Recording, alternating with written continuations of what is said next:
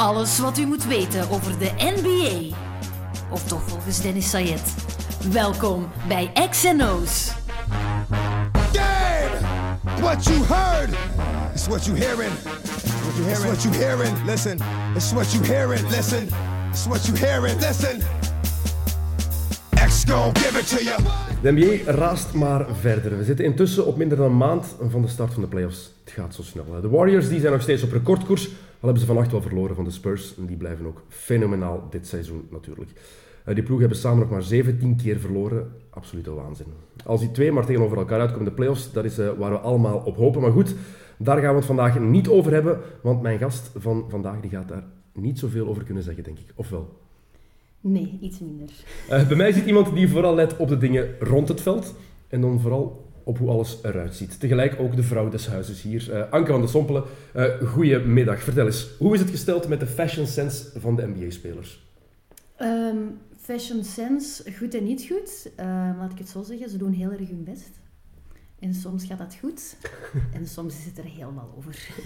Oké, ehm, wat niet onbelangrijk moet zijn, veronderstel ik, is dat de meeste NBA-spelers nu wel een stylist of styliste hebben, eh, waardoor ze een beetje gestuurd worden. Ik geloof niet dat iedereen uit eigen keuze zo naar wedstrijden gaat. eh. Nee. Er zijn er een paar die er absoluut wel eh, echt mee bezig zijn. Ik denk aan eh, ja, de meest opvallende Russell Westbrook. Ik denk dat hij de meeste van zijn outfits wel zelf uitkiest. Maar ehm, er zijn er heel wat die inderdaad ehm, adviseurs hebben of samenwerken met stylisten. Het goede nieuws is natuurlijk wel dat ze hun best willen doen om er goed uit te zien. En als ze er niks van kennen, dat ze dan hulp zoeken. Gelukkig maar, hè. je zegt al, Russell Westbrook, ja, die eh, kiest ze niet alleen, die maakt zijn kleren ook zelf. Maar goed, daar gaan we straks nog wel even over hebben. Ehm, als je het kijkt hoe dat ook veranderd is in de NBA de, de laatste tien jaar eigenlijk, die laatste, evolutie is maf, ja, hè? De laatste tien jaar is er het meeste veranderd. eh, maar het is eigenlijk allemaal begonnen met eh, de dresscode. Ehm 2005 is die ehm, ingegaan, om het zo te zeggen. Eh is eigenlijk ingevoerd omdat de NBA-spelers totaal niet bezig waren er professioneel uit te zien voor de match. Het, wa- het was echt allemaal heel gangster. Het was inderdaad eh, tot dan heel erg eh gangster, de hip-hop look, brede broeken, bling, ehm do-rags, echt ja, gangster look. David Stern kon dat absoluut niet kunnen en heeft op eh, 17 oktober 2005, om exact te zijn, eh, de dresscode ingevoerd eh, met als idee vooral van jongens, ehm, als jullie officiële eh, dingen doen voor de NBA, dan willen wij dat jullie er oké uitzien. Ehm, geen jeans, geen sleeveless shirts, geen shorts, geen patches, geen zonnebrillen. Ehm, doe een beetje jullie best. Jullie zijn professionals en jullie moeten representatief zijn voor de, voor de NBA. Je zegt nu net, al die voorbeelden die, die je net hebt aangehaald, die worden nu toch ook gewoon genegeerd. Geen petten, geen zonnebrillen, geen jeans. Sorry, die dresscode die telt totaal niet meer dan. Hè. Ook al ziet iedereen er veel professioneler uit. Ik zie veel jeans, ik zie veel petten, ik zie veel hoeden, ik zie veel zonnebrillen. maar wel op een heel andere manier. En tegenwoordig gaan ze er ook gewoon heel creatief mee om. Ze doen dan een hele wijde broek aan of met een heel laag kruis en ze dragen er dan een kostuumvestje op. Zodat ze er op die manier toch wel professioneel en serieuzer uitzien. Maar ondertussen inderdaad, en eigenlijk niet per se ondertussen, er is eigenlijk altijd heel los omgegaan met die dresscode. Behalve die eerste jaren, toen was het echt wel heel duidelijk. Iedereen moest en zou in kostuum naar de match komen. Het was wel echt... Het moest, maar ze zochten dan ook weer hun eigen manier. Want toen de regel net werd ingevoerd, eh, was er heel wat commentaar. Omdat heel veel jonge zwarte spelers in, die, in de NBA die voelden zich echt geviseerd. ehm, met eh, ah ja, vooral Allen Iverson. Ja, Het dat is echt een, soms echt een ook- type voorbeeld, hè? Het was ook echt zijn look die niet getolereerd werd. Hij voelde zich echt geviseerd en hij, hij zei ook echt daarover van de dresscode is not who I am and doesn't allow me to express myself. Hij heeft daar heel veel commentaar op gegeven. Hij was zeker niet de enige. Heel veel spelers ehm, toen en vandaag ook nog zijn ook gesponsord door sportsbrands Nike, Adidas, Puma, Converse. Ze mochten die kleren opeens niet meer dragen als ze naar eh, de match konden. Dus vonden ze echt helemaal niet leuk. En ehm, in die beginjaren waren er ook echt een paar die weigerden. Onder andere Allen Iverson om, om hun best te doen. Heel verbazingwekkend dat Iverson weigerde. Heel verbazingwekkend. Maar er waren er ook wel die echt hun best deden, maar dan op hun manier. Zoals een Grant Hill bijvoorbeeld, een van de brave jongens in de NBA. Ehm, daar wist hij ook meteen van, die krijgt een nieuwe regel, dus die gaat die regel ook volgen. En Die je gaf van- daar ook niks om. Die had niet zoiets van, eh, weet je, nu kan ik mij niet meer uitdrukken, nu kan ik mezelf niet meer zijn. Die had zoiets van, weet je, dit hoort bij mijn job, ik ben een professional. Als ze mij vragen om mij professioneel te kleden, dan doe ik dat gewoon. Er waren er ook bijvoorbeeld Shaquille O'Neal, Ehm, hij deed heel erg zijn best. Hij ging ineens voor three pieces. en, maar dan wel met heel baggy broeken. Maar hij had een kostuum aan. Dus op die manier waren er ook wel wat spelers die er hun eigen draai uh, aan gaven. En zo'n beetje tussen de regeltjes probeerden te, te lezen. Vind je het eigenlijk terecht dat daar zo'n regel voor is gekomen? Dat ze zich tussen aanhalingstekens professioneler uh, voor de dag uh, moesten komen? Want ja, oké, je had zo'n voorbeeld als Allen Iverson en Rashid Wallace met heel baggy broeken en vooral broeken die dan nog op half zeven stonden, nog helemaal naar beneden getrokken, kettingen waar een enorme klok aan hing. Ik vind dat wel oké. Okay.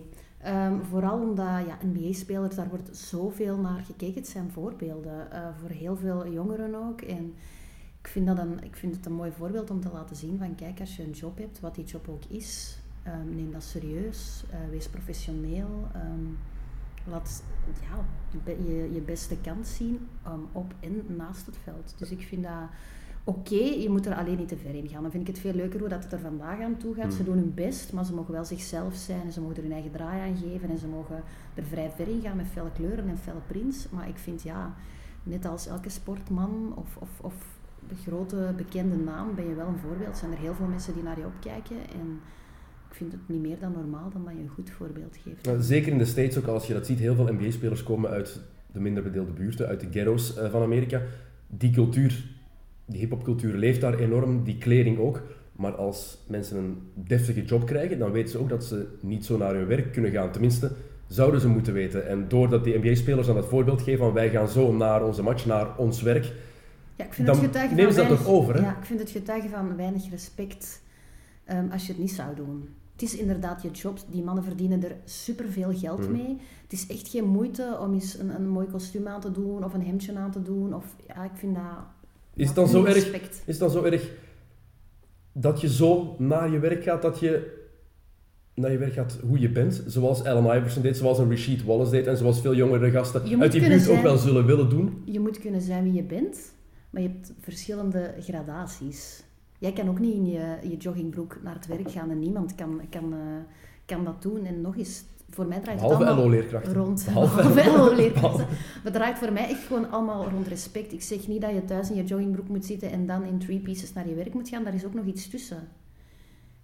En ik vind gewoon dat je moet laten zien dat je je best doet. Uh, Iverson heeft zich daarna wel wat aangepast. Het is altijd Allen Iverson gebleven. Als hij nu mhm. naar een match komt zien, zie je nog altijd dat hij zijn stijl wat heeft. Oké, die grote kettingen zijn er niet meer bijvoorbeeld.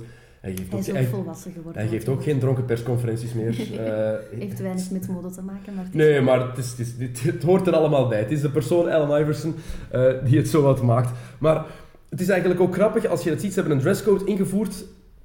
In 2005 was het zeker. Ja. Um, maar als je kijkt hoe de NBA daarvoor was, kon je bijna niet denken dat het nodig was. Want als je helemaal terug gaat, terug in de tijd, ja. was er een geweldige fashion sense bij, bij heel wat toppers. Vooral in de, in de jaren 70 waren er echt een paar die daar heel erg uh, mee bezig waren en echt hun eigen stijl hadden. Ik denk uh, eerst en vooral aan uh, Will Chamberlain.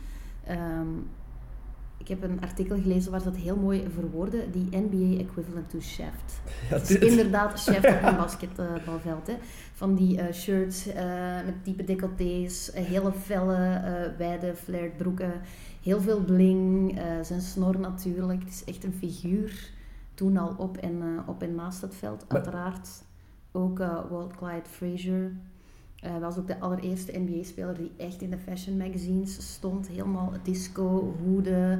Um, uiteraard zijn, zijn fur coats. En nu nog altijd. Hè? Die is fantastisch, nog altijd. Als je hem ziet, um, hij is co-commentator voor de wedstrijden van de New York Knicks. Altijd, alle wedstrijden. Um, als je ziet hoe hij daar staat, als hij een stand-up geeft, als hij een interview moet doen voor de match, die kostuums zijn waanzinnig. Waar hij het vandaan haalt, ja. geen idee. Het zijn gewoon gordijnen die hij op maat laat maken. Zelfs, ik, weet zelfs, ik ken zelfs geen mensen die zo'n gordijnen hebben, maar het is gewoon maf. Wie veel mensen met gordijnen? Ik weet het niet. In de straat zijn er toch een paar. Nee, maar wat, Waarom zou je zo'n prins willen dragen, vraag ik me dan af. Het is gedurfd, maar... Het is dat ook wat ik daar straks zei. Hè. Ze doen een kostuum aan, maar ze wil toch niet te strikte regels volgen en toch nog laten zien wie ze zijn. En hij moet geen regels volgen, hè? Hij is geen NBA-speler. Nee, nee, nee, dat is waar. Dus... Maar ja, ik vind als NBA-spelers respect moeten tonen, dan moeten de commentatoren dat doen. Tuurlijk. Maar als je En dat op die manier laat hij ook gewoon zien wie hij is. En iedereen herkent hem ook aan zijn kostuums. Als hij morgen opeens in een zwart kostuum Nee, zou staan, zou iedereen daar commentaar op hebben. Maar als je dat dan vergelijkt met 2005, oké, je hebt Will Chamberlain en je hebt Walt Frazier en ook Julius Irving trouwens, Dr. J, een van de absolute toppers in de jaren 70, die ook Heel een 70s, voorbeeld was. Echt afro, ja, gigantische afro, inderdaad. Die, die olifantenpijpen, die broeken die hij droeg, zag er geweldig uit, zeker voor die tijd. Maar dat was de stijl van de jaren 70. Als je kon die baggy jeans, die basketbaltruitjes, die NFL-truitjes die Ja, gedragen werden, de was dat niet de stijl van begin jaren 90. 2000? Ja, dat was inderdaad de stijl van de jaren 90, jaren 2000. Mag je dat dan verbieden? Dat vind ik een beetje contradictorisch, want dat is gewoon hoe het er toen aan toe ging. Dat was wat in was. Klopt, inderdaad. Ehm, maar dat is moeilijk, omdat die jaren 70 stijl, die was vanzelf al een beetje opgekleed. Als er toen een nonchalantere stijl was geweest, was er misschien ook iets op gezegd geweest. Ja, het zal ook, ik denk dat er ook mee te maken heeft dat het zo vasthing aan het gangster-label, de gangster rap, en dat die En cultuur niet zeker helemaal kosher was in de ogen van David Stern. Wat ook zeker gespeeld heeft in de jaren 70. Oké, er was natuurlijk tv en radio en kranten, maar dat is zo gebombardeerd eind jaren 90 met internet en zo. Opeens keken er nog veel meer mensen naar die NBA. Werden de spelers nog groter, nog belangrijker, kenden er nog meer mensen hun naam. Eh, dat heeft er zeker ook eh, mee te maken gehad. Maar dus waren even in de jaren 70. ehm Will Chamberlain op het veld was het een fenomeen. De enige man die ooit 100 punten in een wedst- wedstrijd in de NBA heeft gescoord. Maar Ehm, naast dus absoluut. En naast dus ook, dat is... Ja, dat wist wel als je zijn boek hebt gelezen trouwens, eh, zeker aan te raden. Eh, daarin eh, vertelt hij over zijn leven naast het veld, onder andere over zijn escapades met vrouwen. Zegt dat hij met meer dan 5000 vrouwen het bed heeft gedeeld bijvoorbeeld. Ja. Dus je, je ziet het eraan, het is een playboy. Hè? Het is, als, je, als je die foto's van toen nog bekijkt, hoe hij zich gedroeg, En zijn stijl past daar dan ook helemaal in. Hè. jammer genoeg veel te vroeg eh, overleden. En dan ga je verder. En dan in de jaren 80 valt dat eigenlijk wat stil. hè. Ehm, je hebt Magic Johnson. Hij woonde in LA, dus dat heeft er ook mee te maken. Maar de twee voorbeelden, de twee grote namen toen, buiten eh, Julius Irving bijvoorbeeld, waren Magic Johnson en Larry Bird. Ja, Larry Bird die geeft geen zak om mode, dat kan die totaal niet schelen. Sowieso is de mode van de jaren 80 ook geen periode die is bijgebleven, ook niet in de modewereld. Dus in de jaren 70 heb je echt de hippies, in de jaren 90 heb je inderdaad zo wat meer die grunge. Maar de jaren 80, er is zo niet echt een beeld, ook op vlak van muziek merk je dat. Dat is een periode, niet per se dat het stil lag, maar het ging ook slecht met de economie, een minder opvallende periode. En vandaar dat er uit die tijd ook weinig ehm, NBA-spelers echt opvallen. Ja, enkel Magic Johnson, dat is de enige die ik me kan herinneren, die daar ja, wat mee bezig was, die in de boekjes kwam toen in het nieuws kwam om de dingen die hij naast het veld deed en dat ging dan ook om hoe hij gekleed ging. Eh, enkel Magic en voor de rest zou ik op Nee, dat kunnen komen echt, die eh, daar... nee, eh, het was echt een periode dat er gewoon minder, ehm, ja, minder om te doen was. En dan kom je uiteraard in de jaren 90, hè, ehm, de gangster hip-hop look waar we het al over gehad hebben, met dan Allen Iverson als, eh, als grote voordeel. Daarvoor was, het wel, daarvoor was het wel wat anders nog, hè? want de jaren 90 in het begin heb je dan de periode met Michael Jordan, Charles Barkley, ehm, Clyde Drexler bijvoorbeeld. Dat was nog net voor de hip-hop eh, periode Ja, eraan kwam, tenminste qua die- kleding. Ja, ging ook al in die richting. Hè. Eh, Michael Jordan ehm, was de king of baggy jeans, ook vandaag. Ik wou net zeggen, is de king. Eh, oorbelletje in zijn oor, ehm, maar eigenlijk kende hij totaal niks van mode. Hè. Er is ook een website, eh, zeker de moeite waard om te checken. eh what the fuck is Mike wearing? .tumblr.com en ehm, ja, als je schudt wilt lachen, vooral... Oh, dat is zo terecht. Ik vind het heel erg als gigantische Michael Jordan fan om te moeten toegeven, maar Er moet iets Waarom? zijn. Er moet Waarom? iets zijn wat hij niet kan natuurlijk. Hè. Is een beetje geven en nemen, zoveel talent op het veld, dan moet er naast het eh, veld hij, is, hij is al een vreselijke teambaas. Oké, twee dingen die hij niet kan dan. Dat heeft hij al genoeg bewezen dat hij geen spelers kan draften. Denk aan Kwame Brown, denk aan eh, Morrison eh, bij de Bobcats in 2006. Dus dat kan hij al niet. Maar nu nog altijd, als je ziet, er komen er mannen aan in een kostuum en sommigen zien er super goed uit. En dan zie je bijvoorbeeld Sam Mitchell, coach nu van de Minnesota Timberwolves. Die draagt een kostuumbroek waar ik zes keer in zou kunnen. En dat is niet omdat hij zo'n brede benen heeft, maar gewoon Dat zijn echte mannen die zijn blijven hangen in de tijd. Hè, die er echt niks van kennen, die er ook niet mee bezig zijn. En ergens siert hen dat ook wel. Maar- hebben wel het respect van, we doen een kostuum aan. Maar ze hebben geld genoeg om het op maat te laten maken. Kan het niks schelen. Gaan we Dus- toch niet zeggen dat iedereen in 1992 rondliep met een kostuum waarvan de, pepen, eh, de pijpen vijf meter breed waren? Wel veel. Veel. Nee, niet iedereen, maar wel heel Niet veralgemeen, oké. Zo was het. eh, kijk naar Shaquille O'Neal. Ja, die is ook nog altijd zo, dat is, dat is waar. Maar Michael Jordan is daar het extreme voorbeeld, vreselijk. eh, altijd die mega baggy jeans, maar niet zo, geen hip-hop baggy jeans, hè? Nee, Foute baggy Ja. jeans. Echt fout. Het is moeilijk om uit te leggen zonder het te zien.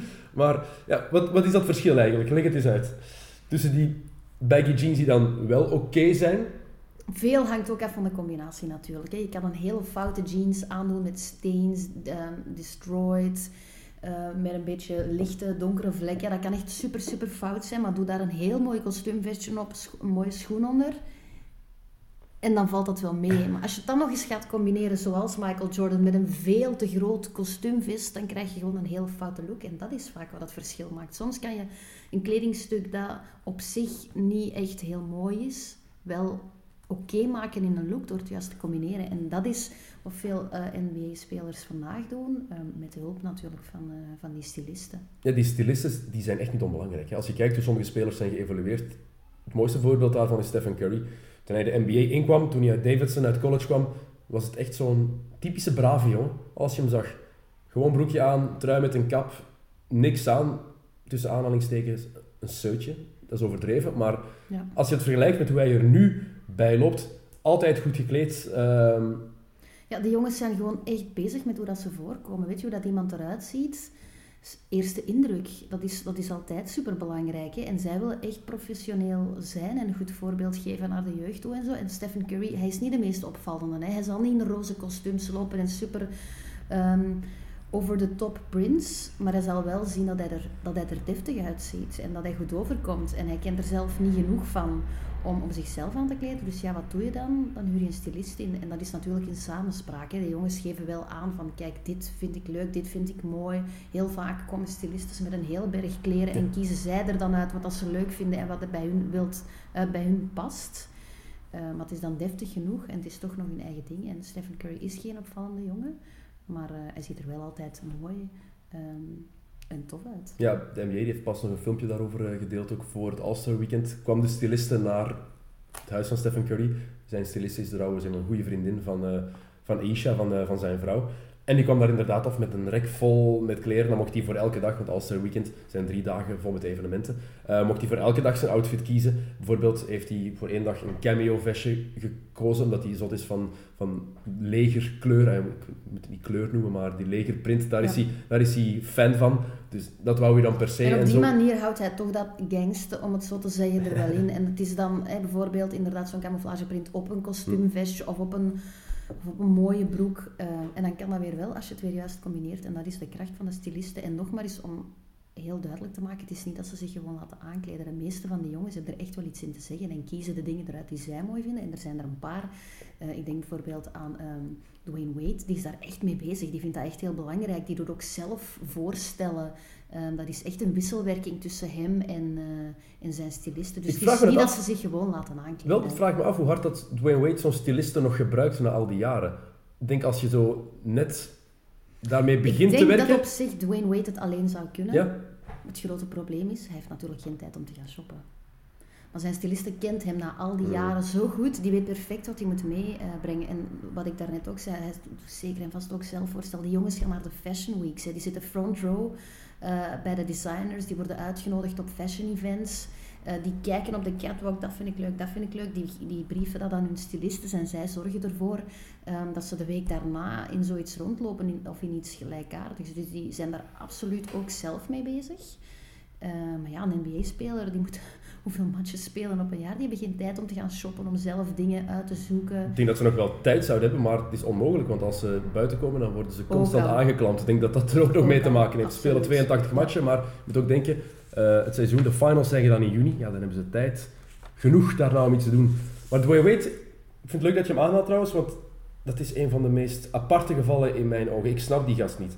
Die ziet er soms fantastisch uit, heeft die supercoole outfits aan, en andere keer denk ik, gast, wat heb je Ja. aan? Dat is ook persoonlijk. Hè. Er zullen zeker en vast ook mensen zijn die alles wat hij draagt lelijk vinden of die alles wat hij draagt mooi vinden. Wat ik het leuke vind aan eh Wade, hij durft. Hij trekt zich niks aan van wat andere mensen zeggen. Als hij helemaal in een oranje outfit gekleed gaat gaan, dan doet hij dat gewoon. Eh, wil hij ene keer een perfect gentleman, strak Italiaans kostuumpje, doet hij dat ook. Wilt hij een strak broekje waarvan je 5 centimeter van je enkel ziet, doet hij dat ook. Het ziet er zo eh, ongemakkelijk met uit. loafers Oh. onder en helemaal tot in de puntjes, absoluut. Kan nooit goed zitten. En dat maar- vind ik... Ik heb liever dat iemand probeert en persoonlijkheid laat zien in hoe hij eruit ziet en af en toe uit de bocht gaat, dan iemand die heel braaf is. Dus je zegt eigenlijk liever Dwayne Wade dan Stephen Curry. Voor mij persoonlijk Op wel. dat vlak, hè. Maar ja, dat is natuurlijk ook als je zelf veel met mode bezig bent. Ik vind voor mij is, is mode en kleren, dat is ja, een verlengde van je persoonlijkheid. Ik zou, het heel, ik zou bijvoorbeeld niet hetzelfde kunnen uitzien als iedereen er kan uitzien. Dat is voor mij een manier van communiceren.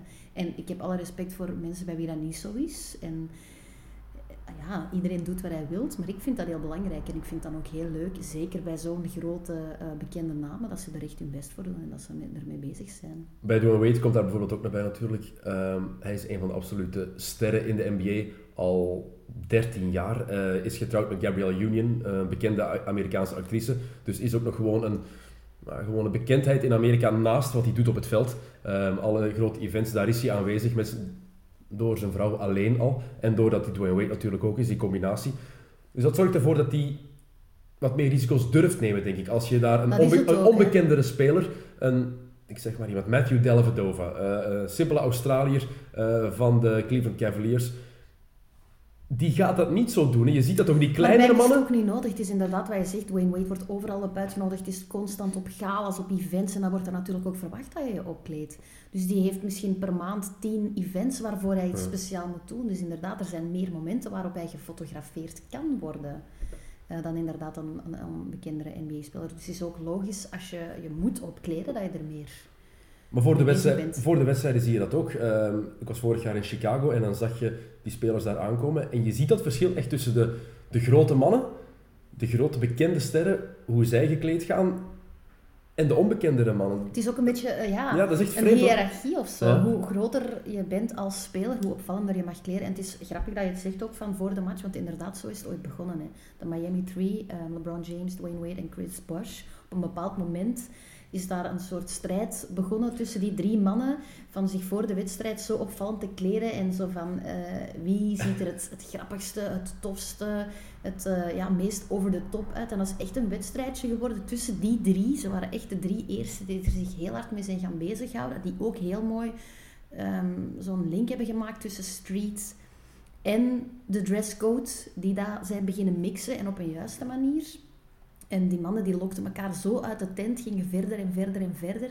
En sinds hen zijn er heel wat eh, gevolgd. Maar zij maakten daar echt een spel van. Hè. Op de duur waren ze even fel bezig met hun outfit voor de match dan met hun match zelf. Het is echt een soort eh, ritueel geworden. Zoals hè, sommige spelers eerst hun linkerschoen en dan hun rechterschoen aandoen. Er zijn er heel wat mannen die ook hun outfit tot in de puntjes is uitgekiend. En als er iets niet klopt, zijn ze niet goed voorbereid. En spelen ze misschien zelfs slechter. Het hoort er echt, echt bij. Ja, die jongens ook, eh, Wade, Bosch, James, je ziet die nooit twee keer in dezelfde outfit Nee. voor een match. Kijk naar Derrick Rose, ook een ex-MVP, dus absolute topper geweest voor zijn blessures.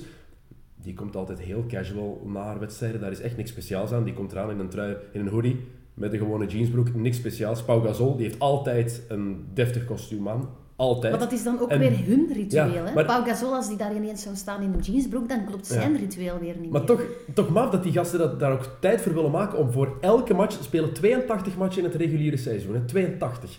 En de Big Three, Ja, dat is een kwestie die hebben van... altijd de finals gehaald. Hè. Vier jaar op een rij de finals. Dat is Dus gewoon met- ook een kwestie van 100 interesses. Hè. Zij vinden mode interessant en leuk en belangrijk. En ze, ze zijn er ook zo de fun van beginnen inzien. Ik vraag me af, hoe gaat het voor die roadtrips? Die gaan soms weg voor 7, 8 matchen op een rij verplaatsing. Wat nemen Ja. die mee? Drie valiezen. Min- Minstens. of die laten gewoon kleren overvliegen. Hè.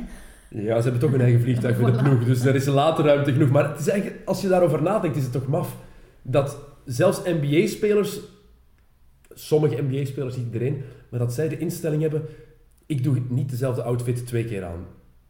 Ik heb dat gedragen, nooit meer. Ik vind dat maf. Als ik heel eerlijk ben, vind ik dat eigenlijk een beetje degoutant. Er zijn heel veel mensen die... eh, niet eens de kleren kunnen betalen. Eh, heel veel mensen die de kleren niet kunnen betalen, eh, die zij dragen. En van dan maar één keer aan te doen, vind dat een beetje jammer. Ik weet natuurlijk ook niet wat ze met hun kleren doen. Hè. Misschien zijn er heel wat spelers die hun kleren doneren, weggeven. Of dat ze die gewoon Of dat ze die inderdaad lenen of, of, eh, of krijgen zelfs, want dat is, dat is ook geval. hè. Zij zijn uithangborden. Eh, merken gebruiken zo'n spelers maar al te graag om hun kleren aan te geven in de hoop dat ze een stukje meer verkopen. En dat gebeurt ook. Ik Hè. denk dat het inderdaad vooral dat hoor. Wade loopt rond in een heel tof vestje. Iedereen ziet dat. Ze gaan opzoeken van welk merk dat, dat is. En dat vestje is de volgende week uitverkocht. Het is echt een business, hè. Maar dat is dan, vind ik, ergens ook weer contradictorisch.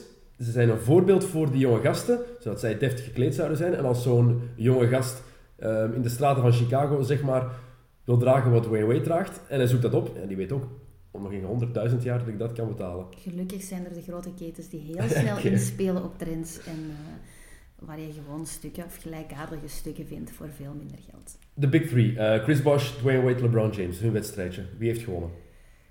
Voor mij Dwayne Wade. Waarom? Omdat hij van de drie eh, het meest durft. Oké. Hij, ja, hij heeft de meest verschillende soorten stijlen. Hij gaat er echt voor. Ehm, Ik vind hem er ook vaak het lelijkst uitzien qua kledingstijl. Eh, die drie, ah, de twee andere, eh, Chris Bosh is Zijn altijd hetzelfde eigenlijk. Chris Bosh is altijd... ja. Hij probeert wel te durven, maar hij draagt altijd netjes zijn, zijn Bosh kostuumetje is altijd hè. vrij preppy, om het zo te noemen. Strak gesneden Italiaanse kostuums. Soms wel eens met een mooi printje, maar vrij sober op zich. Ehm, altijd mooi. ehm, brilletjes, ehm, cardigans. Hij heeft zelfs ook zijn eigen ehm, dassenlijn. Mr. Nice Tie. Dat past perfect bij voilà. Ehm, hij is in zijn stijl, in zo die preppy Italian gentleman, is hij wel absoluut de beste. Ehm, Preppy Italian gentleman, dat is mooi gezegd. Dus, dat LeBron- past inderdaad perfect bij Chris Bosh als je het zo zegt. Dat is mooi, mooi verwoord. dus dat is perfect voor hem.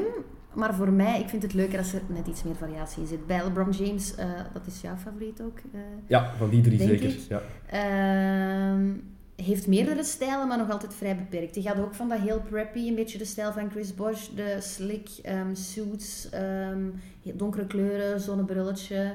Eh, maar die durft ook wel eens wat stoerder gaan. Meer jasjes, eh, fedora, zwarte broeken, boots. Zo wat meer de stoerdere Brit-style, om het zo te zeggen. En hij durft dan ook wel, wel weer eens gewoon een jeans aandoen met een opvallend bloemenprint. Dat, is de invloed, dat is de invloed van Dwayne Wade, veronderstel ik. Twee hele goede vrienden, die zullen Ja, elkaar ook wel Dat wat is inderdaad beïnvloeden. ietsje meer richting eh, Dwayne Wade. Maar hij doet dus heel erg zijn best, maar hij blijft vooral qua kleuren vrij sober. Hij zal qua snits en zo durft hij veel, maar hij zal heel veel zwart, wit, grijs, donkerblauw. ehm, en op die manier laat hij ook weer een deel van zijn persoonlijkheid zien. Terwijl Dwayne Wade, Die gebruikt alle kleuren. die gaat er gewoon voor. En inderdaad, soms ziet hij er ook heel lelijk uit. Hè? Maar ehm, ja, hij krijgt van mij punten voor eh, het proberen. Ik krijg die punten voor Ja. proberen. punten voor het Dat is, proberen. dat is mooi. Ehm, maar als van- ik echt mijn favoriet moet zeggen, los van die drie, eh, dan is het Tyson Chandler.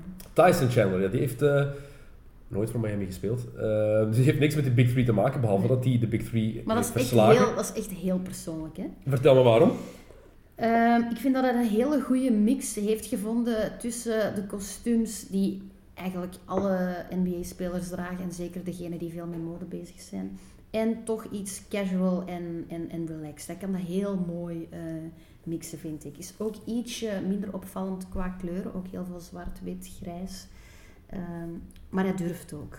Ehm, hij is naar een match gekomen met een leren short.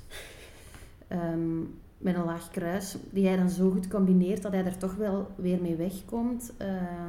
Een wit kostuum heeft hij ook eens aangehad. Ehm, dus hij durft, maar binnen de perken, om het zo te zeggen. En ik vind gewoon van, eh, ja, dat hij er het meest eh, stijlvol uitziet. Wat ook natuurlijk een voorbeeld, ja, hij is zo lang en smal. En de meeste NBA-spelers hebben het perfecte figuur. Maar om, hij is eh, ook nog echt smal. Veel NBA-spelers zijn lang, maar dus zijn dat daar ook heel geblokt. zeggen. Zijn veel gespierd en dan maakt het natuurlijk ietsje moeilijker om je te kleden. Kan perfect natuurlijk. Ja, die mannen hebben, hebben, hebben supergoeie eh, lichamen uiteraard. Maar Tyson Chandler, ja, stuurt hem zo de catwalk op. En nogthans is dat ook niet de grootste naam. Hè. Eh, en toch is hij daar ook heel hard mee bezig. Het is altijd een roleplayer geweest. Oké, voormalig Defensive Player of the Year. Dus uitstekende verdediger, belangrijk geweest. Titel gewonnen met Dallas. Maar dat is niet de grote naam. Dat is geen James Harden, dat is geen Kevin Durant, dat is Tyson Chandler. Als je die naam in Europa je laat vallen, er zijn heel weinig mensen die weten wie dat is. Ja, maar daar gaat het ook niet om. Hè. Mode is gewoon een van zijn interesses. Nee, maar ik wil maar zeggen, we hadden het daar straks, we hadden het er daar straks ja. over dat die minder bekendere spelers daar een beetje minder mee bezig zijn, tenminste minder mee bezig zo. lijken. Ik denk dat er heel wat onbekendere spelers daar ook mee bezig zijn, maar waar we het gewoon minder van weten, net omdat ze minder bekend zijn. Je gaat niet bekend worden in, in de NBA omdat je een opvallende stijl hebt, tenzij je zo opvallend rondloopt als Russell Westbrook. Of, Maar er zijn er heel wat die zo wat tussenin eh, zijn, maar die gewoon minder in de spotlights komen. Eh, je zei net, ja, opvallend. We zijn één naam in de jaren 90 vergeten te noemen. De meest opvallende persoon die de NBA ooit heeft gehad. Dennis Rodman. Dennis Rodman. Ja, kan je inderdaad echt niet omheen. Hè. Er is niks wat eh, Dennis Rodman niet geprobeerd heeft. Compleet gestoord, is ook echt gestoord. Hè. ik denk dat het zelfs niet over kleren gaat, als je Nee, dat nee, nee, zegt. absoluut. Dus daarom dat ik ook zeg, eh, piercings, eh, fluo, haar, make-up. ehm, hij ging ook compleet drag in vrouwenkleding. Ik denk dat iedereen zich ook wel zo het, dat, het blinkende haltertopje herinnert. Met een roze boa is hij ook eens Is zelfs eens in een, eh, gekomen. in een trouwjurk naar een match gekomen, denk Ja. ik. Een echt... Die gast, die heeft... In, Maar dat eer- heeft dan weer niks met mode te maken. Hè. Dat heeft meer te maken met provoceren. Die gast was ook een beetje gestoord gewoon. Hè. Eh, in zijn laatste jaar bij San Antonio en zijn eerste jaar bij de Bulls, dus wat was het, 95 en 96 ongeveer, ik denk dat hij voor elke wedstrijd een andere kleur in zijn haar had. Hij heeft zelfs periodes gehad dat hij op het veld kwam en dat hij 20 kleuren bollen op zijn Ja. haar had. Ik snap niet waarom je het doet, ik snap ook niet hoe je het doet. Maar Hoe goed, is niet zo moeilijk. Waarom? dat, dat gaan we waarschijnlijk nooit weten. Ja, om op te vallen. Puur om op te vallen. elke match had hij een andere kleur haar. Elke match. En- Waarom zou je in godsnaam een NBA-wedstrijd willen gaan spelen? Zelfs dat niet. Waarom zou je in godsnaam fluo groen haar willen hebben? Ik, ik blijf Met zeggen. roze bollen. Om op te vallen. Enige reden.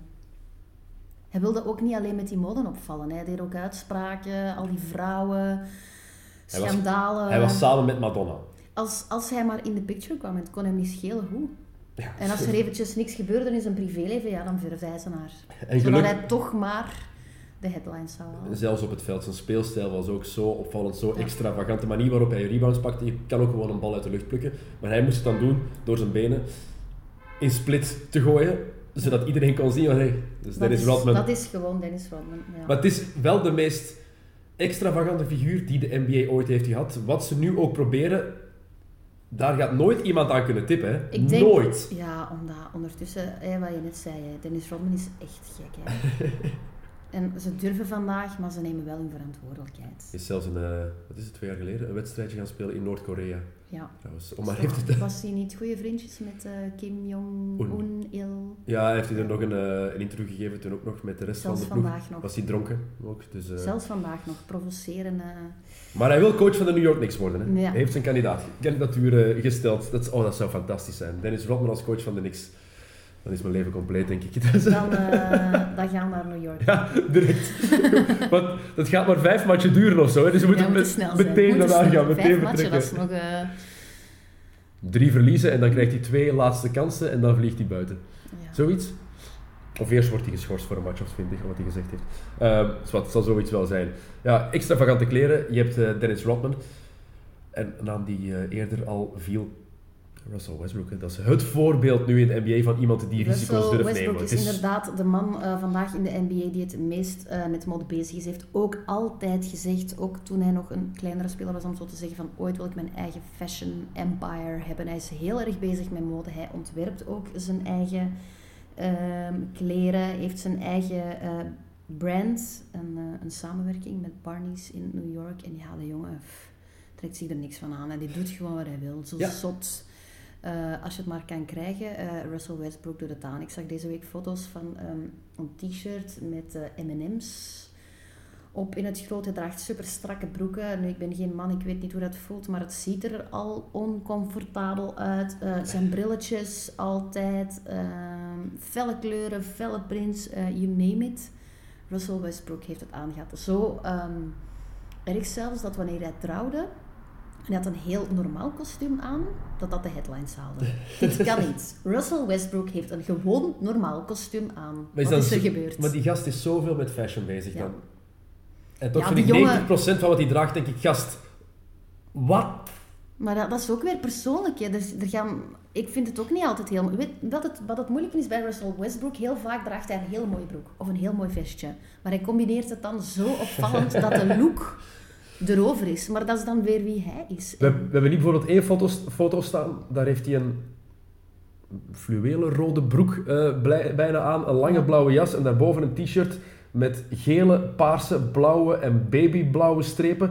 Heeft hij appelblauw zeegroene sokken aan en het is het grijs-zwarte schoenen met een roze zool. Sorry, maar Ik moet zeggen, zonder de schoenen is de kleurcombinatie heel 70s en warm. Je kan de prins verkeerd vinden, hè? maar op zich de kleurcombinatie, maar de schoenen zijn het te veel. Het En de broek is uiteraard te strak. veel te strak. Weet je waar Wat ik veel denken? erger vind, Het doet mij denken aan Darkwing Duck.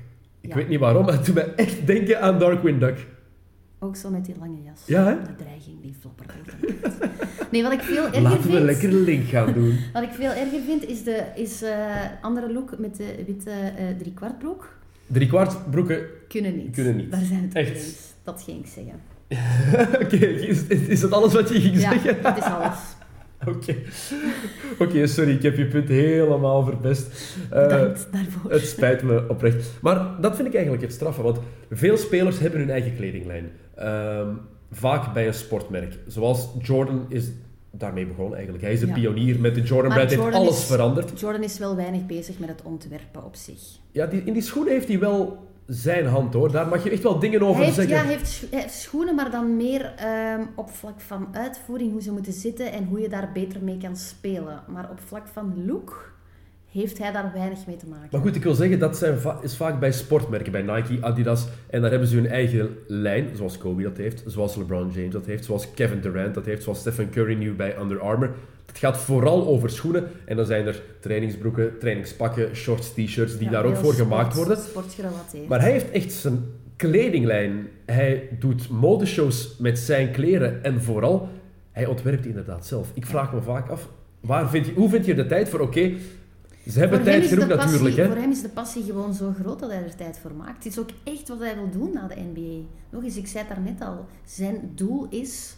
Ik wil een, een, een fashion designer worden. Ik wil bekend zijn. Ik wil naar de modeweken. Ik Is hij, daar goed, is hij daar goed genoeg voor, vraag me af. Want het is een fenomenale basketter. Ik ken geen enkele guard die zo atletisch is als hij. Niemand.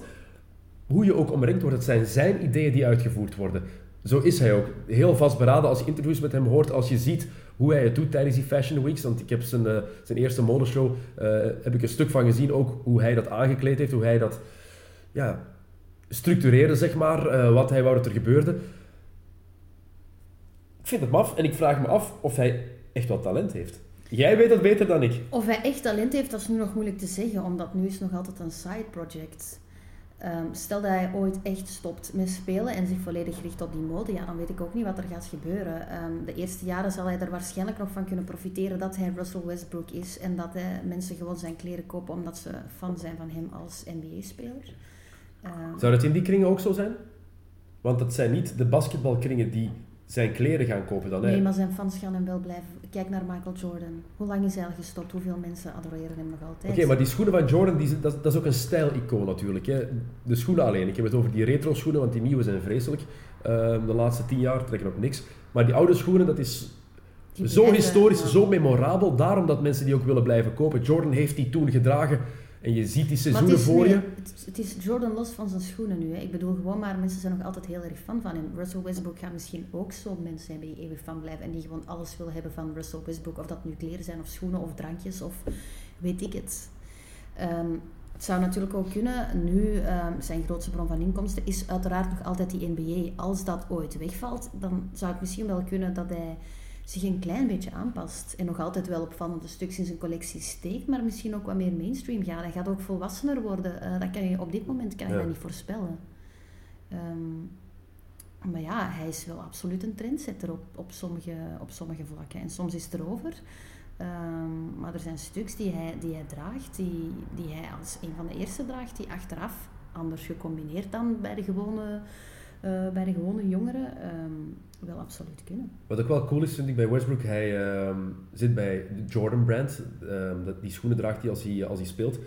Heeft de nieuwe Jordans, daarmee basket hij. Maar heeft ook echt zijn eigen schoen, de Westbrooks. Maar die zijn niet om te basketballen. Iedereen in de NBA, LeBron James, Kevin Durant, die hebben hun eigen schoen, maar dat zijn echt basketbalschoenen om te spelen. Westbrook speelt met Jordans, maar de schoenen die zijn naam draagt zijn puur en alleen om te dragen naast het veld. Lifestyle schoenen. Dat is ook typisch voor hem. Dat, Ja. Er is maar één iemand die dat zou mogen doen en dat is, en dat is Russell Westbrook. Het is wat ik ik. zeg, hij is echt als meester met mode bezig. eh, naast het veld. Het is echt zijn passie. Ik denk ook gewoon dat hij, ja, hij kan niet anders. Eh, hoe zit het met zijn ploegmaat? Kevin Durant, het onafscheidelijke duo op het veld. Ja, Kevin Durant is ook de master of ehm, foute dingen combineren. Hè? Is dat zo? Eh, die kan ook, eh, hij zegt het ook zelf, hè, van eh, ik vind het leuk om dingen te dragen die niet bij elkaar passen. Ik wil gewoon opvallen. Ik wil, ik wil, I just want to stand out. En hij is natuurlijk ook heel bekend om zijn, om zijn nerdy brilletjes en de rugzak. Hè. Ja. Kevin Waarom? Durant draagt altijd Ja, een echt... rugzak. Waarom? Nu je het zegt. Ik weet het niet, want er veel in die rugzak zit. Nooit, ik denk dat, er nooit iets in zit. Dat is misschien nog eens interessant voor een interview. Eh, Kevin Durant, wat zit er eigenlijk in jouw rugzak? Ik denk dat er heel veel mensen zijn die zich dat afvragen. Maar dat is gewoon wie hij is. En draagt hij ook altijd zo hoog. Ja, Die gast is twee meter- strak, twee meter en tien. aangespannen, eh, ja. Dat is, ja, dat hoort bij zijn look en dat is zijn signature style, om het zo te zeggen. En het is mooi dat hij daaraan volhoudt. Ja. Trouwens, wist je dat eh, Carmelo Anthony ook zijn een, nieuw- een nieuwe kledinglijn eh, heeft ontworpen? Ik denk er ineens aan. Nee, wist ik niet. Ehm, het is een kledinglijn gebaseerd op de Teenage Mutant Ninja Turtles. Jawel, nu je het zegt, heb ik het inderdaad wel gelezen. ik dacht, hm, nee, het is niet fashion genoeg, daar ga ik niet meer over Oh. opzoeken. De Turtles, kom op, Anke. Eh, niks tegen de Turtles, Ja. maar een Turtles fashion line. eh, ik kan mij moeilijk voorstellen dat daar iets eh, goed uit voorkomt. Eh, ik wil die trui voor mijn verjaardag. 29 juli? Ja, dankjewel. Eh Ex-ploegmaat van eh, Durant en Westbrook is ook iemand die meer en meer met mode bezig is. En dat is James Harden. Al valt hij op Door zijn baard. door zijn baard. Ja, de, de, de baard van James Harden is echt een onderdeel van zijn look. Ik denk ook echt als hij zijn baard afscheert, dat niemand hem herkent. Nee, als je die foto's nu ziet van in college, en in high school vooral, want in college is hij die ja, laten beginnen groeien. Dat is een hele andere persoon. Het is Ja. heel... Ja. het is heel herkent hem bijna niet. Zijn, ja, het is echt een deel van zijn herkenbaarheid. Hij is ook altijd heel strak in het pak.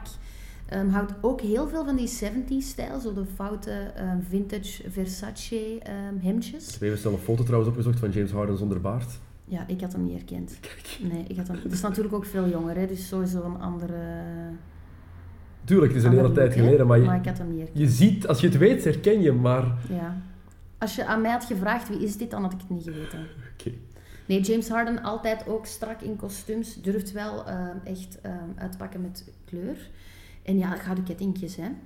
Draagt ook heel vaak zo'n dikke... Ja, 70s wat ik zeg. Ook met die 70s ehm prints in zijn hemdjes. Alles komt altijd terug. Ja.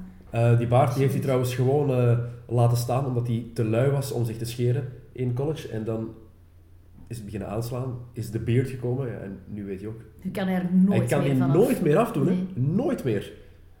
Dat is echt zijn trademark. Jammer voor hem. Ja, ik weet het niet. Misschien vindt hij dat wel leuk.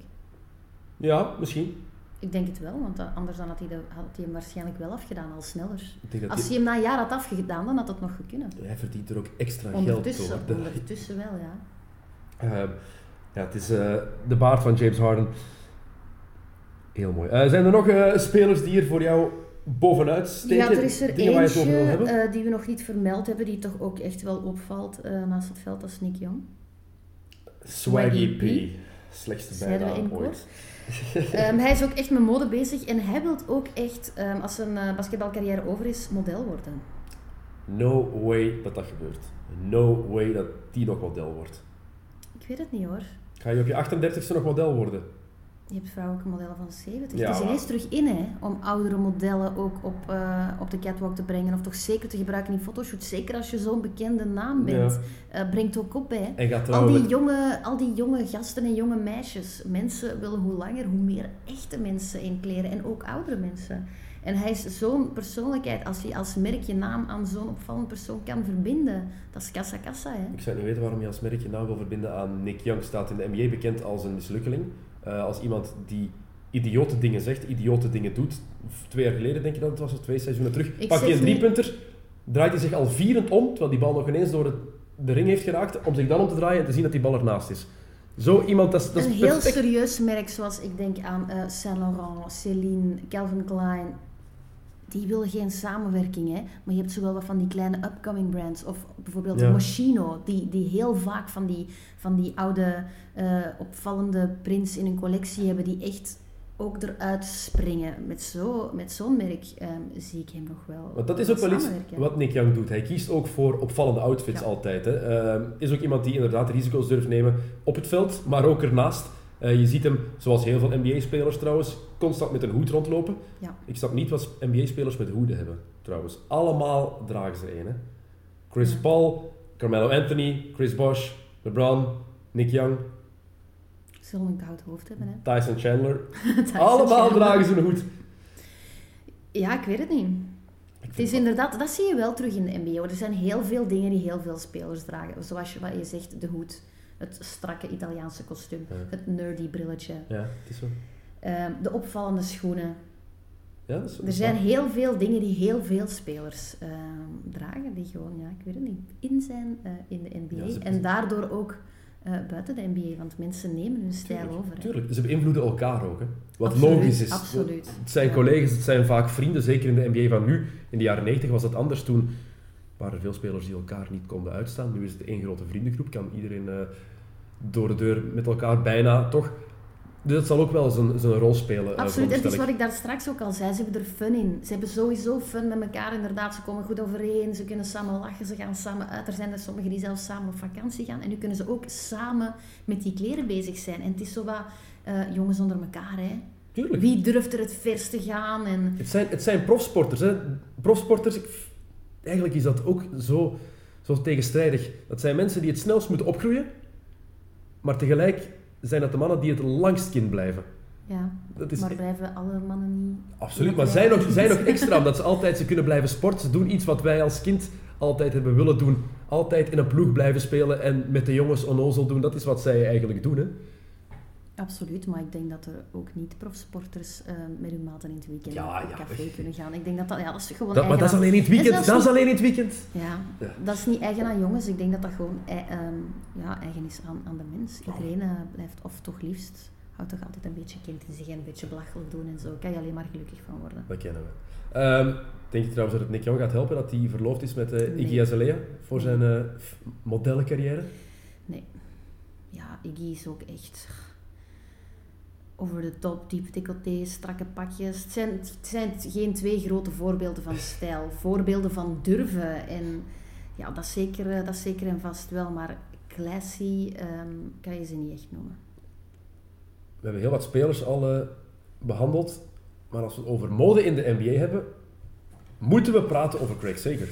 Het is één naam die je niet kan, eh, kan negeren. Gewoon, het is sideline reporter van TNT nu. Al jaren NBA-journalist. eh 64 jaar is hij intussen al 64.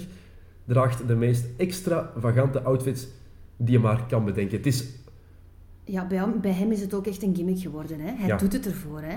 altijd, hè? Ja, altijd. eh, heel veel roos, paars, eh, ruitjes, bloemenprints. Ja, die man, ehm, ik kan me moeilijk voorstellen dat hij het zelf mooi vindt. Ik denk dat hij gewoon een nieuwe print ziet. En dat hij weet- zegt, ik doe het. Eh, hij is pas voor de tweede keer hersteld van kanker. Is heel lang ziek geweest.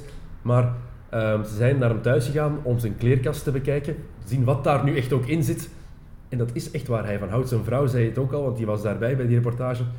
Hij houdt gewoon van die kleuren, houdt van die, die maffe prints. Dus het is niet Ja, alleen om echt, om echt op te vallen, het is ook gewoon echt zijn stijl ja, bij hem is blijkbaar. het inderdaad. Ik denk bij hem inderdaad dat het weinig te maken heeft met opvallen. Het is gewoon wie hij is. En het zou heel raar zijn moest hij het opeens niet meer doen. En ik vind het bij hem ook passen, weet je. Mensen zien hem komen en, en moeten ervan lachen. Mensen worden er gelukkig van bij hem. En dus ik heb bij hem echt zoiets van... Doe maar. Ja, ik ben er ook heel blij om dat Craig Sager daar is. Vooral dat iedereen het ook zo aanvaard heeft. Ja, het Dat hoort, hoort gewoon erbij. bij wie hij is, inderdaad. Behalve Kevin Garnett, die eh, heeft het daar toch eh, wel eh, moeilijk mee gehad één keer. Een topfragment. Okay, look, I've never in my life tried to really go at you in your suits and stuff. Tonight, I am stressing to you. You take this outfit home and you burn it. We don't want to see this. I know you don't double back with outfits. I've never seen you in an outfit twice, but you take this right here. I don't care if it's Versace, name brand. It costs you. Saïd. I know Saeed. I don't care. You take this and you burn it. There's not any part I can keep? No, nothing. So when you get done with this, you should be butt ass naked. This should be this should be burned. Okay? It's good to see you, like always. In, in the shoes too. Just burn them, okay? They just burn it. Don't ask no questions. Just burn the whole the red socks, which the people can't see at home. Take all this, handkerchief, lime thong, all that. Burn it, okay? Fire cell. Burn it.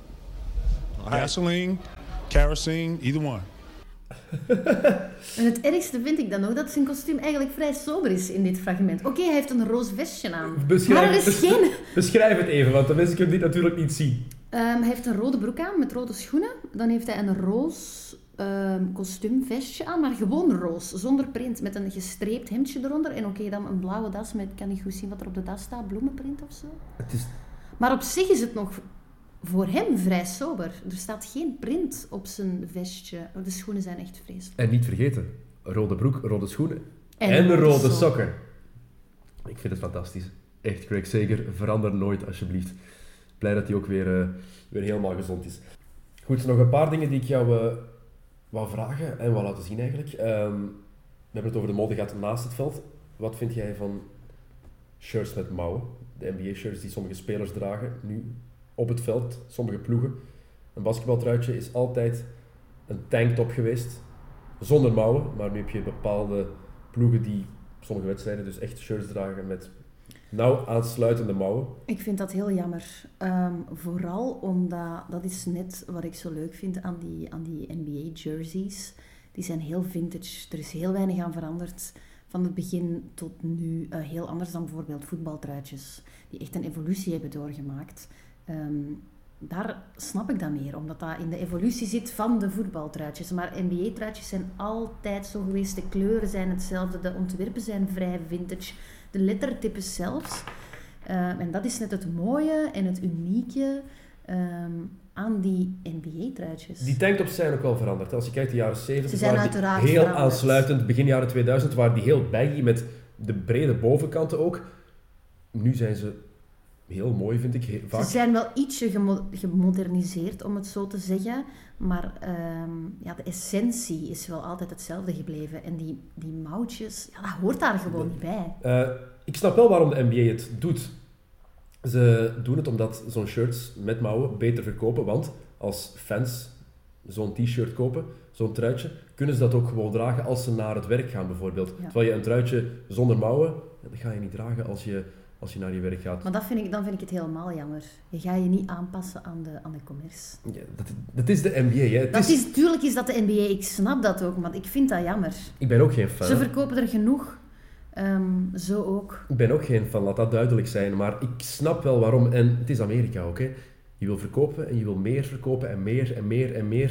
De inkomsten moeten alleen maar groter worden. Hè. Ja. ja, ik snap van waar het komt, maar ik vind het heel jammer. Ik wil jou een paar shirts laten zien. Ehm, die blijven ook wel evolueren, maar wat jij zegt, er zijn heel veel ploegen die hebben vastgehouden aan hun oude shirts. De mooiste voorbeeld daarvan zijn de Boston Celtics, die al sinds ja, de jaren 50 Ja. in dezelfde shirt spelen. Dat vind, ik vind dat fantastisch. Ik ben daar vooral fan van, eh, van ploegen die echt durven om te zeggen, dit is ons shirt en we veranderen de details aan. Bijvoorbeeld de, het lettertype van de naam verandert een klein, klein beetje. Maar eh, in plaats van met wit, maar een- trouw aan hun look. En ik vind het, maar dat is natuurlijk heel persoonlijk, ik hou gewoon heel erg van die vintage look. Ehm, en inderdaad, de Celtics, ehm het truitje van de Celtics en van de Bulls natuurlijk ook, is daar een van de mooiste voorbeelden van. Ehm, bij de Bulls is dan het enige bijvoorbeeld veranderd. veranderd. Dat, dat lettertype van achter, dat waar de naam komt, Ja. dat dat zwart is geworden in plaats van wit. Voor de rest is daar heel Maar ja, weinig. ik vind uiteraard, je mag af en toe wel iets veranderen, maar ik vind het echt heel leuk dat het heel herkenbaar blijft. En ehm, Bij de Knicks is het ook eigenlijk zo. ja, het is jammer bij de paar maar daar kunnen ze helemaal niks aan doen. Wat er heel leuk is bij de, bij, bij de Celtics en de Chicago Bulls, ja, weet je, groen en wit of rood en wit, dat is een mooie combinatie. Oranje en blauw, ja, We hebben het al vaak over gehad. Hè? ik vind dat vreselijk. ik vind het echt vreselijk. En daarom vind jij de Knicks ook niet zo leuk. Hè? Gewoon omdat jij die kleurencombinatie lelijk vindt. Hè? Ja, ik weet dat dat heel erg is, maar ja, ik vind dat echt heel lelijk, blauw en oranje. En de Lakers zijn Ja, geel die- en paars net hetzelfde, is om te kotsen. Sorry voor mij. Ik vind paars sowieso lelijk. heeft niks met de Lakers te maken. Hè? Lakers Ik hou ook niet van de Lakers. En dat maakt het nog erger, paars en geel. Ik kom daar eerlijk voor uit, hoe oppervlakkig dat ook mag zijn. We gaan even vergelijken. Als je kijkt op dat shirt van nu van de Lakers en dat van, van vroeger. Ook weinig aan veranderd, hè? Ze hebben het een beetje gemoder- gemoderniseerd, maar toch is dat nog redelijk vintage. Hè? Ja, absoluut. Dus ik ben wel blij dat er zo'n ploegen zijn die dat, ja, dat aandurven om zo te blijven. Want als je dan Ja, kijkt... dat is echt heritage, hè? Ja, als je dan kijkt naar Atlanta bijvoorbeeld, eind jaren 80, eh, in de jaren 80 gewoon en begin jaren 90 hadden zij die Pac-Man shirts Ja, met die, met die, witte, cool. met die Ja. witte streep of met die rode streep die fantastisch waren. Ik vind dat Ja. een van de coolste shirts die er ooit zijn geweest in de NBA. Absoluut. En dan zie je eh, dat ze dit jaar zijn gegaan. Eh, thuis eh, zijn ze wit met fluo-groen en rood is nee, het is zelfs geen fluo-groen, het is zo markeerstift ja, geel. markeerstift geel, inderdaad, mooi gezegd. Ehm, en dan donkere is zo, ja, wat is het? Een soort donkergrijs, cementkleur bijna. Ook met die, die fluo-gele letters die erbij komen. Ik Ja, snap niet hen- waarom ze hier naartoe gaan. Bij hen vind ik het ook echt jammer dat er zoveel aan, eh, aan veranderd is. Waarom het is, Het is ook een ploeg die weet altijd... ik niet. Maar eh, ja, hun, hun, hun shirts zijn over de jaren heen ook wel vaker veranderd. Hè. Het is, zij houden gewoon niet echt vast aan die, aan die eeuwige ja, kleuren en, stijl. En dat is jammer. Ja, Want ik vind ze- dat ook heel jammer. Als ze dat ene shirt hadden behouden en daar verder mee waren gegaan... Ook qua herkenbaarheid, weet je, je ziet een bullshirt en iedereen weet altijd dat is een bullshirt en van niemand anders. En zij hebben er al zoveel verschillende gehad dat de herkenbaarheid ook een Het is, beetje... het is zelfs ooit zo geweest dat er echt een gigantische havik op de voorkant stond die een bal vast had. Dit ja, is gewoon... dat is vreselijk. En dat heeft ook voor mij niks meer met, eh, wat, wat ik er straks zei, de traditie, de heritage, het vintage. Dat heeft daar voor mij helemaal niks meer mee te maken. Er is wel zo'n periode geweest, begin jaren 90 was dat, eh, iets dat later. is ook 4, 95, dat die jaren- cartoon- foute jaren 90 print. dat die cartoon print naar voren kwam inderdaad. De, de Vancouver Grizzlies hadden dat toen, de Toronto Raptors, allemaal met zo'n ja, vreemde shirts eh, ineens. Ehm, de Charlotte Hornets die hebben ook een hele nieuwe look sinds dit seizoen. Die shirts zijn veranderd. Vroeger waren die qua kleur misschien niet zo mooi, maar wel cool vond ik. Ja, Ehm, in de tijd van Larry Johnson en Muggsy Bogues met die paar strepen. Dat paste bij die club. En nu zijn ze moderner geworden. Niet lelijk, vind ik. Ik vind het alleen jammer dat ze ineens ook naar paars zijn gegaan. Ja, dat paars heeft er natuurlijk altijd wel een klein beetje in gezeten. Hè? Want de omleiding eh, vroeger in de, in de turquoise shirts, daar zat ook al paars in. Hè? Dus eh, bij hun vind ik het nog wel oké, omdat ze houden wel vast aan de kleuren. En de vormgeving is nog altijd heel strak, heel sober, zoals het vroeger was. Ehm, bij, bij hen, je hebt nog altijd dat turquoise, dat paars en dan de witte letters. En als je dan toch een beetje wil veranderen, doe het dan zo. Blijf trouw aan jezelf ehm, en aan de kleuren van je club. Een paar eh, shirts gaan we nog uitpikken en dan gaan we stilaan eh afronden. Onze tijd zit er bijna op. Een ploeg die heel veel shirts gebruikt. Ik denk zelfs dat ik ze hier allemaal heb eh, staan, we zijn ernaar aan het kijken. Maar die gebruiken zoveel verschillende shirts. Het zijn de Cleveland Cavaliers. Ja. En ik vind die vaak heel mooi. Ze zijn heel mooi. Wat ik bij, bij hen ook jammer vind, eh, is dat ze echt te veel kleuren hebben. Het geel en het bordeaux, dat zijn echt hun kleuren. Het zijn ook heel mooie truitjes, heel simpel, heel vintage nog altijd. Hoeveel keer heb ik al vintage gezegd? ja, het is een, een nieuw stopwoord. Eh, als iemand het graag wil tellen, stel ons, eh, stuur ons gerust de resultaten door. Ehm, maar dan nog witte en zwarte en donkere en altijd wel dat geel en, en dat bordeaux dat erin terugkomt. Maar ja, ik vind het gewoon een beetje te veel. Maar dat is waarschijnlijk ook weer pure commercie. hè. Hoe meer kleuren, hoe meer er verkocht Tuurlijk, en dan komen die, die vintage shirts, ik, neem het al over het woordje, die, die retro shirts, die komen dan ook terug. Eh, en zo ja, kan je inderdaad blijven verkopen. Hè? Want je hebt tegenwoordig ook voor elke kerstwedstrijd eh, komen er worden er speciale De shirts Christmas gemaakt. En de Christmas sweaters en eh, ja, ja, absoluut, absoluut. Ehm, ik ga nog een paar uithalen die ik jou eh, wilde laten zien, waar ik persoonlijk fan van ben. Gewoon even jouw, eh, jouw mening weten. Eh, onder andere de nieuwe shirts van de Milwaukee Bucks. Heel sober. En ik vind ze heel mooi. Er is niks speciaals aan. ik vind ze heel mooi, maar ja, groen en wit. Past erbij, hè? Voor mij zijn dat de Celtics. Maar het is een ander groen. Ja. Jij bent trouwens een geen fan van de Milwaukee Bucks, van die naam, hè? Nee, want ik vind eh, de Milwaukee Bucks, en daarom, dat is ook nog een commentaar op de shirts, die zijn niet groen en wit, die zijn groen en rood. En daarom noem ik ze altijd de Milwaukee Christmas. Ah, I love it. Ehm, Dus hun truitjes moeten ook groen en rood zijn, punt. Oké, en moet er dan een kerstman op komen ook? Nee, dat niet. Gaat te ver. Gaat te ver. Ehm, de shirts van Philadelphia vind ik ook ongelooflijk mooi. Eh, zeker die nieuwe. Ze kunnen op het veld totaal niks dit seizoen. Slechtste ploeg in de NBA. eh, op een van de slechtste ploegen aller tijden. Maar die zijn zo retro. Ja, Ja, net als jou hou ik heel erg van retro. Ehm, hoe minder er veranderd is eh, aan de truitjes, hoe meer ze lijken op, op die oude truitjes, hoe mooier dat ik ze vaak vind. En ja, blauw en wit met een beetje rood, of de, de rode truitjes, ja, dat zijn gewoon mooie kleurcombinaties. Maar het is inderdaad het leukste als ze vasthouden aan die oude cultuur, ja, aan het die is dat wat ik zeg. Dat is, Ja, dat, is voor mij ook het basketbaltruitje. En wat ik dan ook daar straks zei in vergelijking tot het voetbaltruitje. Ehm baskettruitjes die zijn altijd heel erg hetzelfde gebleven. En ja, dat hoort er gewoon bij. Oké, goed. Ehm, even weg van de fashion, één vraag nog voor jou. Wie wordt er kampioen? Ha. I have no fucking clue. Je moet iemand zeggen. Iemand. Een ploeg. Allee, doe dan maar Golden State. Daar zit je volgende week. Hè. Dan heb je ze zien spelen in hun kampioenenjaar. Dan heb ik ze zien spelen in het kampioenenjaar. Goed, eh, dat was het voor deze X en O's po- podcast. Volgende week volgt er nog één sowieso.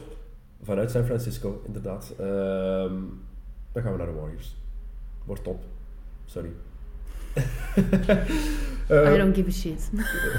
en dat is een, eh, een dikke leugen. Koop wat kleren voor mij daar, hè, in de Ja, States. voilà. Dat, dat dacht ik wel. Goed, bedankt voor het luisteren. Volgende week een nieuwe afspraak vanuit de States, vanuit eh, San Francisco. Je kan ons altijd blijven volgen op iTunes en natuurlijk ook via Soundcloud.